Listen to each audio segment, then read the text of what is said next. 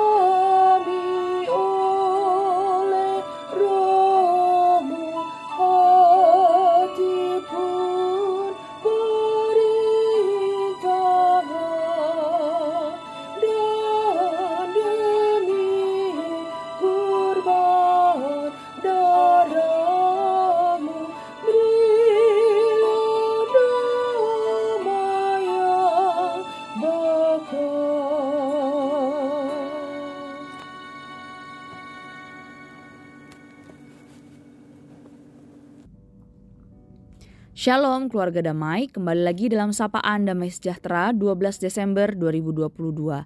Mari Bapak Ibu Saudara, kita bersama-sama mempersiapkan hati kita mendengarkan kebenaran firman Tuhan. Mari kita bersatu di dalam doa. Tuhan Yesus, terima kasih karena Tuhan begitu baik dalam kehidupan kami. Kami bersyukur untuk setiap pemeliharaan yang Tuhan selalu berikan buat setiap kami hari demi hari. Kasih karunia Tuhan selalu ada di dalam kehidupan kami. Saat ini ya Tuhan, kami mau bersama-sama duduk di bawah kaki salib Tuhan. Kami mau mendengarkan firman Tuhan. Kiranya firman Tuhan ini sungguh-sungguh berbicara kepada setiap kami, mengingatkan dan menegur setiap kami, memampukan kami untuk hidup sesuai dengan apa yang menjadi kehendak Tuhan dalam kehidupan kami. Terima kasih Tuhan Yesus. Dalam nama Tuhan Yesus kami berdoa dan mengucap syukur. Amin. Bapak Ibu Saudara, pembacaan firman Tuhan kita pada hari ini terambil dalam kisah para rasul 15, ayatnya yang ke-12 hingga ayatnya yang ke-16. Kisah para rasul pasal yang kelima, ayat yang ke-12 hingga ayatnya yang ke-16. Tanda-tanda dan muzizat-muzizat. Dan oleh rasul-rasul diadakan banyak tanda dan muzizat di antara orang banyak. Semua orang percaya selalu berkumpul di Serambi Salomo dalam persekutuan yang erat. Orang-orang lain tidak ada yang berani menggabungkan diri kepada mereka, namun mereka sangat dihormati orang banyak. Dan makin lama makin bertambah jumlah orang yang percaya kepada Tuhan, baik laki-laki maupun perempuan. Bahkan mereka membawa orang-orang sakit keluar ke jalan raya dan membaringkannya di atas balai-balai dan tilam, supaya apabila Petrus lewat, setidak-tidaknya bayangannya mengenai salah seorang dari mereka. Dan juga orang banyak dari kota-kota sekitar Yerusalem datang berduyun-duyun serta membawa orang-orang yang sakit dan orang-orang yang diganggu roh jahat. Dan mereka semua disembuhkan. Sedemikian jauh pembacaan firman Tuhan kita pada hari ini. Bapak Ibu Saudara, tema perenungan kita pada hari ini adalah kemurnian gereja Allah. Bapak Ibu Saudara, Tuhan kita adalah Allah yang Maha Kasih, tetapi juga adalah Allah yang Maha Kudus. Karena itu, Ia tidak akan membiarkan seorang pun mempermainkan, mempermainkan Dia, dan mencemarkan jemaatnya. Hal ini dapat kita lihat dalam tindakan nyata Allah terhadap Ananias dan Safira dalam perikop sebelumnya yang dapat Bapak Ibu Saudara perhatikan. Namun Bapak Ibu Saudara, saat ini jarang sekali kita mendengar gereja dan hamba Tuhan tetap setia dan tegas dalam mendisiplinkan jemaat yang melanggar kesucian Tuhan. Mungkin ini terjadi karena gereja atau hamba Tuhan takut menghadapi resiko yang terjadi misalnya penolakan dan kemarahan anggota jemaat atau kerabatnya terhadap gereja dan hamba Tuhan yang bertindak dengan tegas. Bisa juga ada kekhawatiran bila anggota jemaat itu pindah ke gereja lain. Padahal Bapak Ibu Saudara, gereja seharusnya berperan sebagai tiang penopang dan dasar kebenaran. Hal ini penting karena gereja yang murni dan tetap berdiri dalam kebenaran akan menghasilkan dampak yang besar dalam kehidupan gereja maupun masyarakat. Inilah yang dapat kita saksikan dalam perikop yang tadi kita baca, dalam kehidupan jemaat mula-mula. Kalau kita lihat, pertama, karya Allah semakin nyata dan meluap-luap di tengah umatnya. Allah akan terus bekerja di dalam dan melalui gereja, baik disertai tanda dan muzizat-muzizat yang ajaib, maupun yang tidak terlihat secara fisik. Inilah yang Allah telah lakukan sepanjang sejarah gereja. Yang terpenting adalah pertobatan jiwa yang diselamatkan karena ini juga merupakan mukjizat terbesar, yaitu perubahan hidup orang-orang yang berdosa menjadi anak-anak Allah oleh karena kasih karunia Allah. Dan yang kedua, jemaat akan tetap bersatu dalam persekutuan yang erat dan mendapat rasa hormat dari luar. Dan yang ketiga, gereja akan terus bertumbuh dan semakin menjangkau lebih banyak orang karena mereka semua mendapat bagian dalam anugerah keselamatan yang Allah berikan. Kehadiran gereja mula-mula di dunia membawa dampak yang besar dan itu terlihat nyata dalam tiga fenomena. Yang pertama, walaupun mereka merupakan komunitas kecil, tetapi orang luar sangat menghargai orang-orang yang percaya kepada Tuhan. Kedua, dalam keterbatasannya, mereka justru mampu menarik orang banyak untuk percaya kepada Tuhan.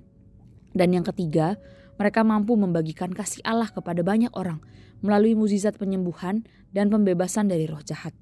Dan secara manusiawi, ketiga hal ini mustahil untuk bisa dimiliki oleh sekelompok orang kecil. Tetapi kenyataannya mereka memilikinya karena Allah beranugerah bagi gereja yang sungguh-sungguh mau hidup murni, kudus di hadapan Allah, dan menjadi berkat.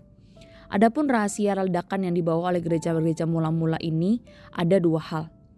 Yang pertama, gereja mula-mula mampu mempengaruhi dunia karena adanya kuasa Allah yang bekerja di tengah-tengah gereja mula-mula. Selain itu, persekutuan mereka yang intensif sebagai tubuh Kristus juga menjadi rahasia. Dan dua hal ini mampu menghasilkan ledakan besar yang melanda dunia saat itu tanpa bisa dihentikan. Apabila dua hal ini juga kita miliki sebagai gereja Tuhan yang hidup di masa kini, maka tentu saja kita bisa bangkit dari kemandekan. Secara umum, gereja sekarang sudah lama tertidur. Kita begitu disibukkan dengan program-program rutin gereja, sehingga kita melupakan esensi yang lebih penting daripada itu. Kita melayani Allah, tetapi kita justru tidak mengalami kuasa Allah. Kita selalu berkumpul dalam gereja, tetapi tidak membangun persekutuan. Inilah ironis yang kita hadapi di gereja-gereja masa kini. Gereja perlu bangkit kembali dengan mengalami kuasa Allah dan memelihara persekutuan. Dengan inilah kita bisa membuat suatu ledakan di zaman kita, sebagaimana pengalaman gereja mula-mula. Bila kita menghendaki Allah berkarya secara ajaib dalam gereja masa kini, maka setiap jemaat harus menyatukan hati di dalam doa dan persekutuan. Gereja harus terus berkembang dengan menjangkau jiwa-jiwa baru, dan kesucian juga harus diutamakan. Jangan membiarkan dosa dan kepentingan diri sendiri menghambat pertumbuhan gereja dan justru memecah belah gereja sebagai tubuh Kristus. Mari Bapak, Ibu Saudara, kita yang saat ini menantikan kedatangan Tuhan Yesus kedua kali, kita menjaga kemurnian hidup kita di hadapan Tuhan sambil tetap bersatu padu di dalam persekutuan tubuh Kristus sehingga kita semakin menjadi berkat. Mari kita bersama-sama berdoa. Tuhan Yesus terima kasih karena Tuhan adalah kepala gereja karena Tuhan adalah gembala gereja yang tidak pernah meninggalkan setiap kami, domba-domba Tuhan. Saat ini ya Tuhan kami rindu sebagai domba-domba Tuhan. Kami rindu Allah sendirilah yang menolong setiap kami, memberikan kami hikmat agar kami sungguh-sungguh hidup menjadi anak-anak Tuhan yang menyenangkan hati Tuhan, menjadi gereja Tuhan yang menjadi saksi bagi orang-orang di sekitar kami. Kami rindu ya Tuhan, gereja kami secara khusus gereja GKI Damai, hidup seperti gereja mula-mula hidup mereka bersatu padu dengan erat dalam dalam persekutuan. Mereka saling mendukung satu dengan yang lain. Biarlah Tuhan sendiri yang menopang setiap kami ya Tuhan dalam pelayanan kami, di dalam kehidupan kerohanian kami. Kami semakin bertumbuh di dalam iman kami kepada Tuhan. Ampuni dan biarlah Tuhan sendiri yang singkapkan jika ada hal-hal yang tidak berkenan di hati Tuhan. Mampukan kami ya Tuhan untuk kami sungguh-sungguh hidup sesuai dengan kehendak Tuhan. Biarlah Engkau sendiri yang memurnikan hati setiap kami, agar sungguh hidup kami berkenan di hadapan Tuhan. Kami rindu ya Tuhan, menantikan kehadiran Tuhan kedua kalinya. Kami rindu menyambut bulan ini bersama-sama. Kami mau bersuka cita dan kami biarlah kami diingatkan bahwa Allah yang datang itu sendiri merindukan kami juga untuk hidup sungguh-sungguh kudus, sungguh-sungguh menjaga kehidupan kami di hadapan Tuhan. Terima kasih Tuhan Yesus. Di dalam nama Tuhan Yesus kami berdoa dan mengucap syukur. Amin. Selamat beraktivitas Bapak Ibu Saudara. Tuhan Yesus memberkati setiap kita.